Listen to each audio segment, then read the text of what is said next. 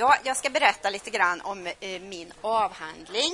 Eh, och jag kommer att bara plocka ut vissa delar av den. Den är rätt tjock. Den heter Jämställdhetens spjutspets. Och varför den heter det? För det finns också ett frågetecken efter eh, det här uttrycket eh, kommer ni att veta när jag har pratat klart här. Jag har väldigt kort tid på mig, så jag ska försöka att bara visa på några få saker. Eh, det jag har gjort är att jag har följt män i tre olika yrkesområden. Det är förskollärare, sjuksköterskor och frisörer. Eh, och jag har följt dem i deras arbete. Jag har intervjuat dem och jag har också intervjuat deras kvinnliga arbetskamrater. Eh, och sen har jag tittat lite grann också på de här politiska styrdokumenten och på jämställdhetsdebatten. Eh, Sverige anses ju vara ett väldigt jämställt land, men trots det så är Sverige ett av de länder som har den mest könssegregerade arbetsmarknaden. Eh, och eftersom ni är så få så kan jag faktiskt skicka runt ett blad med statistiken här så att ni kan titta. Och då ser ni på det bladet att eh, kvinnor jobbar oftast i vissa sektorer och män i andra sektorer. Eh, man har försökt att ändra det väldigt länge, men det har visat sig väldigt svårt att få män att gå över i de kvinnligt kodade yrkena. Idag så finns det runt 3% män som jobbar inom barnomsorgen. Eh, flest var de i mitten på 80-talet när de gick upp till 5 och det är ju inte speciellt mycket. Manliga sjuksköterskor har man lyckats lite bättre med, för de ligger mellan 7 och 9 procent någonstans. Eh, och frisörerna, som faktiskt har eh, förändrats eftersom de i början av 1900-talet främst var män. Eh, men idag så finns det bara runt 10 procent manliga frisörer. Eh, eh, de ökar lite grann beroende på att många invandrarkillar öppnar hårfriseringar för att det är ett av de yrkessektorer där de har möjlighet att gå in och ta plats. I Göteborg har ni ju några sådana salonger. Så därför kommer det på sikt, tror jag, att bli fler män också i det yrket. Eh, man oroade eh, sig och har oroat sig i många år eh, med den här svårigheten. Och man har funderat på vad beror det nu på att det är så få män som söker sig till de här yrkena? Ja, egentligen är inte det så konstigt eftersom kvinnoyrkena är lägre lönesatta än de yrken som män jobbar i. Så de kvinnor som korsar könsgränsen och går in i manligt dominerade yrken, de eh, får högre lön oftast än de kvinnor som väljer traditionellt, får också bättre karriärmöjligheter. Medan de män som går över i kvinnoyrken eh, får en oftast sämre lönesättning än sina manliga kollegor som befinner sig i mansdominerade yrken. Eh, de får också sämre karriärmöjligheter, men de lyckas oftast bättre än sina kvinnliga kollegor genom att de oftare får högre lön och gör lättare karriär. Så att man kan säga att män som går in i kvinnoyrken, de har till viss del lite matjord med sig i fickorna. Medan kvinnor som går in i mansdominerade yrken får kämpa på ett annat sätt. Eh, man kan eh, säga också att eh, det är först egentligen på 60-talet som det börjar på att ses som ett problem att det är så få män som jobbar i vissa yrken och få kvinnor i andra yrken. Det handlar om eh, satsningarna på jämställdhetspolitik där man vill ha ut kvinnor i arbetslivet och det byggs ut en stor offentlig sektor. Den offentliga sektorn kommer att besättas fortsatt väldigt mycket av kvinnor och gör det fortfarande. Så man kan säga att jobben flyttas ut från hemmet men det är fortfarande kvinnor som utför dem.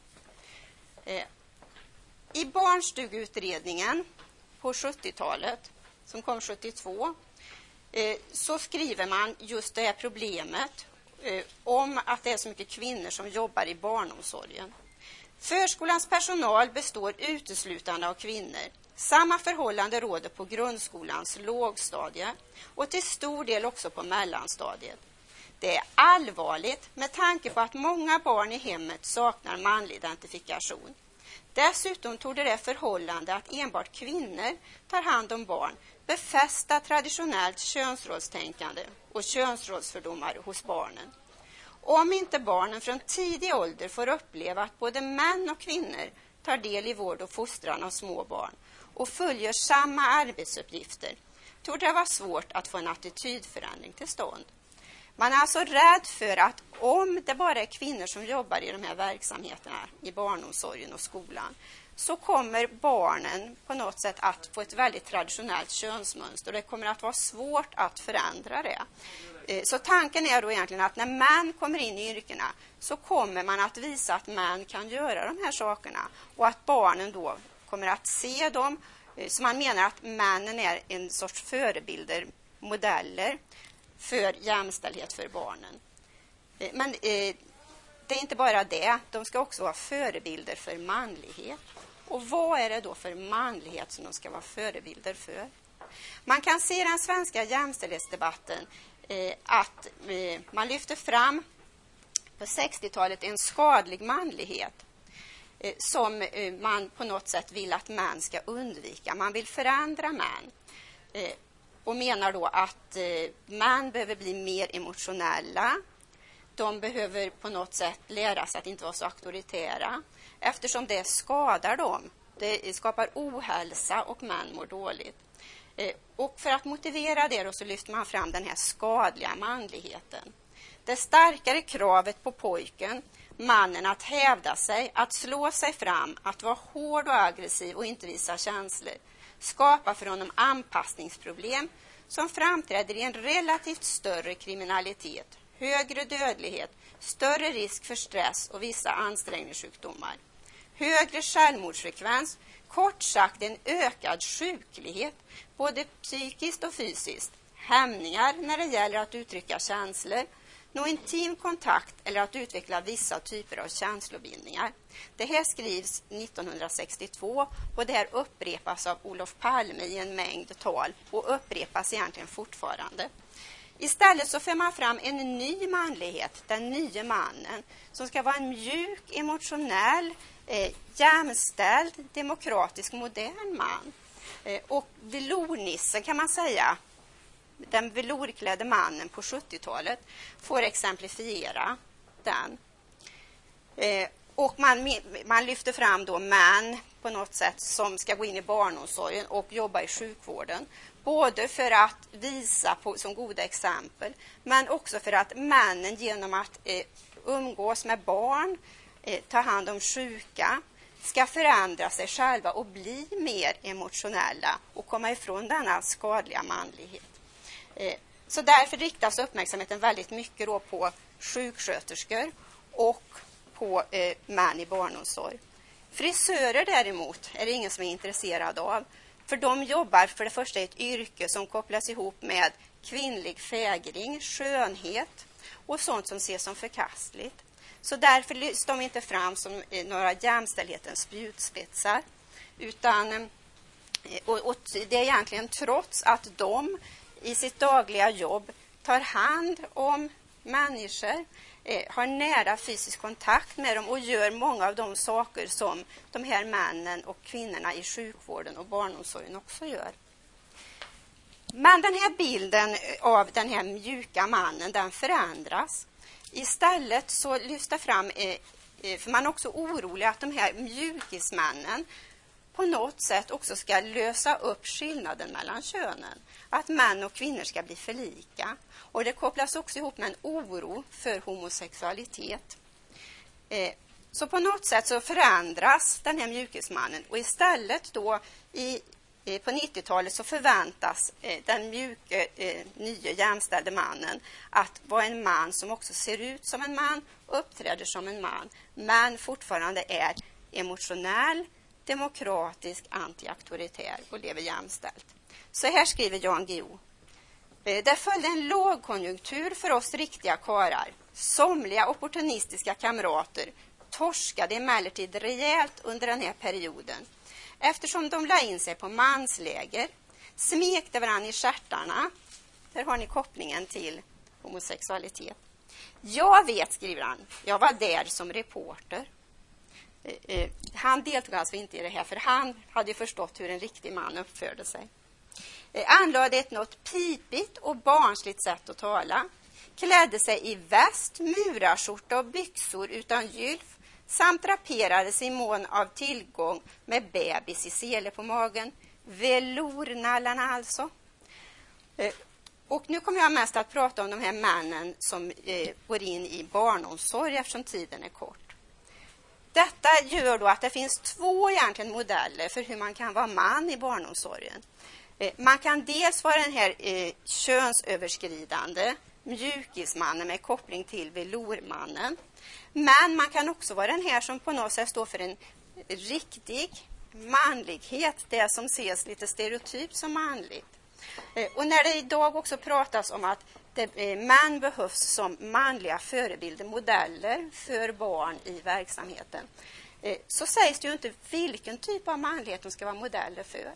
Vilket skapar en ambivalens som uttrycks i tidningen Förskolan av en insändare som är skriven av en manlig förskollärare. Det är så många tankar som snurrar i mitt huvud. Hur ska en manlig förskollärare vara? Vad förväntas av mig? Ska jag vara macho-Lasse eller farbror Barbro eller båda eller ingen? Eh, eh, svaret kan tyckas enkelt. Var dig själv. Men det är inte så lätt. Var går gränsen mellan att vara man eller fjolla? Är det manligare att snickra än att sy? Vad ingår egentligen i min roll som pedagog? Och när männen då kliver in i de här kvinnodominerade yrkena så eh, med deras kroppar så signalerar ju de då att de tillhör kategorin man. Och eftersom det har varit viktigt då att män ska in i de här yrkena så blir just den tillhörigheten, identiteten som man mycket viktigare än andra tillhörigheter. Som till exempel att eh, eh ha en geografisk tillhörighet, att ha samma yrke som de kvinnliga kollegorna. Eh, och, och eh, Eh, genom de här stereotyperna så hamnar ofta de här männen också i väldigt stereotypa manliga sysslor eh, som de, många av dem här gör motstånd emot när de går in i de här yrkena. Eh, men samtidigt så skapas det också en plats för dem att komma in som man i ett kvinnoyrke. Ja, vad ska man göra? Ofta blir det så att man åtar sig de sysslor som har kopplats traditionellt till manlighet. Och när jag har studerat det här så har jag upptäckt två eh, eh, väldigt markanta strategier då, eller sätt att vara man som blir framträdande. Så man kan koppla just till den här debatten om mjukismannen och den andra riktiga mannen. Eh, en kille berättar så här. När jag ser så här riktigt glansfullt, då känner jag mig som en banbrytare liksom. Nu ska vi in och ändra det här. Eh, det är ingen av damerna som säger att jag ska göra saker, men jag försöker hugga in så mycket som möjligt. Jag tycker liksom att ungarna ska se att man kan torka av bord och sådär, även om man är kille då. Torka disk, vika tvätt. Inte för jag tror att de tittar så mycket, men kanske lite fastnar. Man ska ju vara lite så här företrädare för en bra mansbild. Man ska liksom vara övertydlig och visa barnen hur man ska bete sig i vardagssysslor. Och där kan ni se han som ser då eh, sin roll på förskolan som att vara en könsöverskridare. Ni kan se honom nästan med disktrasan i näven och hur han strävar efter då att utmana de här könsmönstren. Eh, men samtidigt, då, vad händer honom? Jo, eh, kvinnorna de stoppar in honom i snickarrummet. Och där står han och säger, och här står jag som har tummen mitt i näven. Eh, han får också ta över sportandet med barnen. Kvinnorna drar sig tillbaka från det som de tidigare jobbade med. Eh, på ett annat ställe eh, så tar jag också, där jobbade två manliga förskollärare på samma avdelning. Eh, de ser sig också då som utmanare av eh, traditionella könsmönster. Och vad gör de? Jo, de undviker att gå in i manligt kodade områden. De stänger snickar bon för barnen för att de inte ska hamna i det här traditionellt manliga. De undviker att spela fotboll med barnen.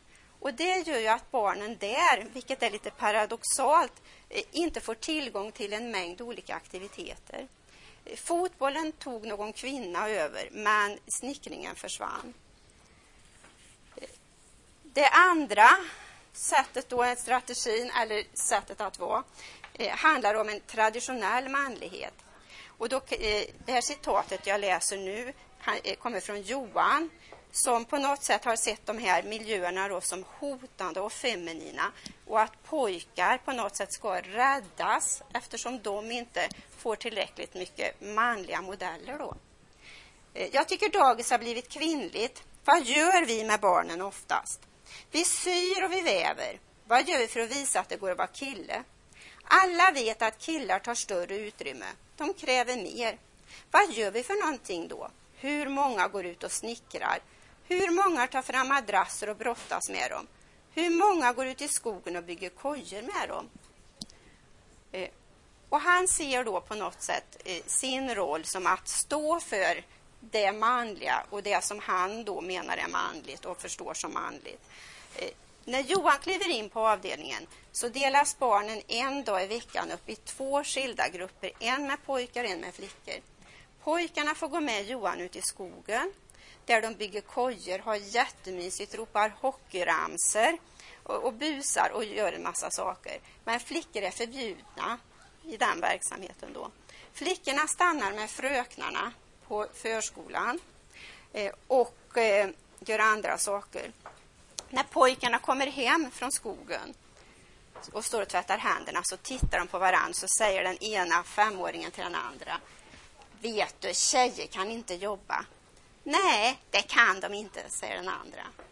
Och när personalen en dag sitter och eh, diskuterar verksamheten, jag ska strax runda av här, sitter och diskuterar verksamheten, så, eh, eh, så säger eh, kvinnan så här, vad gör ni i skogen, Johan?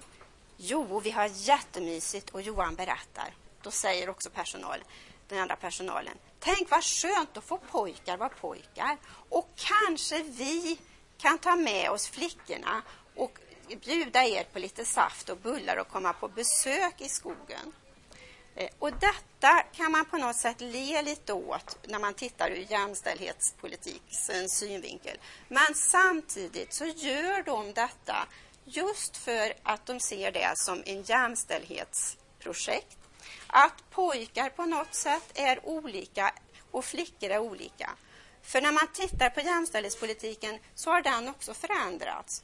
Från att eh, plädera för likhet mellan könen, att män och kvinnor är lika och ska gå in i varandras område på 70-talet, så har detta förändrats till att idag handlar väldigt mycket om det här mångfaldstänkandet. Vi är olika men lika mycket värda. Och därför ser den här personalen det som viktigt att pojkar som är olika får den aktivitet som pojkar förväntas behöva och flickor får den aktivitet som flickor förväntas behöva. Eh, så eh, att vara man i kvinnoyrke är inte speciellt lätt. För när Johan gör de här sakerna som han gör av omtanke av barnen så blir han problematisk ur jämställdhetssynpunkt. Eh, fast han gör det i ett gott syfte i sin förståelse om vad det innebär att vara man. Och han uppmuntras också av föräldrar och den övriga personalen. De andra killarna ja, de gör manlighet på ett annat sätt. Eh, och de överskrider. Men samtidigt kan man se att i bägge de här strategierna så får barnen eh, en begränsad erfarenhet och, och eh, möjlighet till olika typer av verksamheter. Där det fungerade bäst, det var på de ställen där man eh, gick efter ett schema och alla gick in och gjorde allting.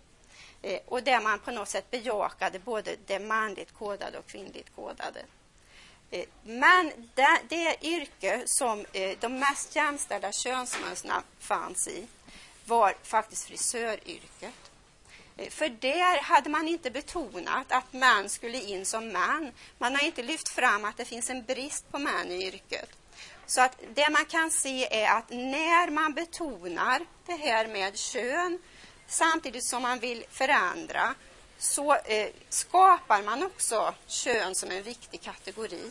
Och, vilket gör då att de män som jobbar inom sjuksköterskeyrket och eh, förskolläraryrket, för dem var det viktigt att framstå som män och det var också viktigt hur man skulle vara man och det blev mycket funderingar runt det. Medan i eh, frisöryrket så gjorde alla allting det var viktigast att vara frisör. Man, det var ett servicen, omtanken om kunderna som blev viktiga. Men i det yrket så gjorde man kön genom att klippa och behandla män och kvinnor på olika sätt. Och för den som eh, vill veta mer om det här så kan man titta i jämställdhetens spjutspets. Och frågetecknet handlar om, är de någon spjutspets eller inte? Några är, andra inte, beroende på hur man definierar det. De som vill läsa enkelt om eh, man män i barnomsorg och om pojkar rekommenderas Manlighet i fokus som har kommit ut på Liver där det är enkelt skrivet om den här problematiken.